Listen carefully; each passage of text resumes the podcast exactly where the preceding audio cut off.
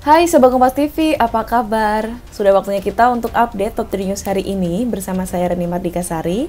Kita awali Top 3 News yang pertama hari ini Sobat Kompas TV dari berita proses evakuasi jenazah korban Gabriela Melani menuju ke Jayapura. Ini belum bisa dilaksanakan karena helikopter yang digunakan mengalami gangguan mesin karena tembakan dari kelompok teroris di distrik Kiwirok. Kini jenazah Gabriela telah berhasil dievakuasi ke pos Ramil Kiwirok dan menunggu proses evakuasi menuju Jayapura. Namun helikopter EC-725 Caracal milik TNI AU mengalami gangguan mesin setelah mendapat tembakan dari kelompok teroris di distrik Kiwirok pada Jumat kemarin.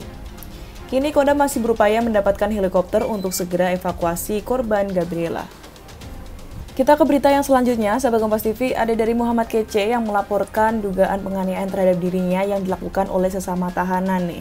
Nah, setelah diusut, pelaku penganiayaan ini diduga dilakukan oleh Irjen Napoleon Bonaparte. Berdasarkan keterangan Direktur Tindak Pidana Umum Baris Krim Polri, Brigjen Andi Rian Jayadi, pelaku penganiayaan Muhammad Kece ini dilakukan oleh Irjen Napoleon Bonaparte. Sebelumnya, Karopenmas Divisi Humas Polri Brigjen Rusdi Hartono menyebut, penyidik masih mengumpulkan bukti dan keterangan saksi mata untuk menentukan siapa pelaku penganiayaan ini. Kita ke berita yang terakhir, sahabat Kompas TV, Panglima Komando Armada 1 Laksamana Muda TNI Arsyad Abdullah membantah informasi terkait adanya ribuan kapal asing yang melintas di perairan Laut Natuna Utara.